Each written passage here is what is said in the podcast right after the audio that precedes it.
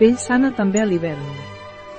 La pell és l'òrgan més superficial del cos, està en contacte directe amb l'atmosfera i és la que pateix més les inclemències del temps. Durant els mesos freds hem de cuidar especialment la nostra pell perquè no es ressenti del fred, el vent, la neu i pugui continuar exercint la seva funció com a barrera protectora davant de factors ambientals externs.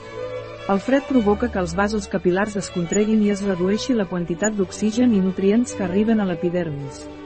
També ralenteix la renovació cel·lular i provoca que s'acumulin cèl·lules mortes. El resultat és una pell deshidratada, seca, més sensible i amb un aspecte apagat, es pot tenir picor, dermatitis, les persones que pateixen afeccions cutànies que cursen amb sequedat de la pell, com eczemes, psoriasi o rosàcia, s'han de cuidar més, d'altra banda, es donen canvis bruscos de temperatura quan passem del medi interior a l'exterior, fet que augmenta l'aparició de capilars dilatats a la cara, coneguts popularment com a aranyes, pots fer una ullada a alguns productes que t'ajudaran a hidratar la teva pell, sequedat a ratllar la hidratació sempre és important, per dins i per fora, i encara més per mantenir una pell sana durant l'hivern. De vegades, la sensació de set és menor que l'estiu, però no ens podem oblidar de beure prou aigua. De la mateixa manera, hem d'hidratar la pell per fora diàriament. Els llavis tenen una pell més fina que la resta de la cara i es deshidraten especialment si respirem per la boca o els humitegem amb la llengua.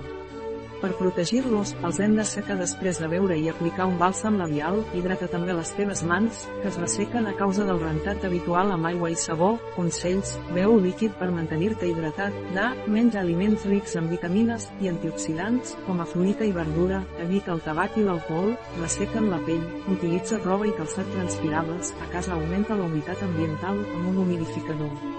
Un article de Catalina Vidal Ramírez, farmacèutica, gerent de Biofarma és. La informació presentada en aquest article no substitueix de cap manera l'assessorament d'un metge, qualsevol menció en aquest article d'un producte no representa el suport dels objectius de desenvolupament sostenible a aquest producte.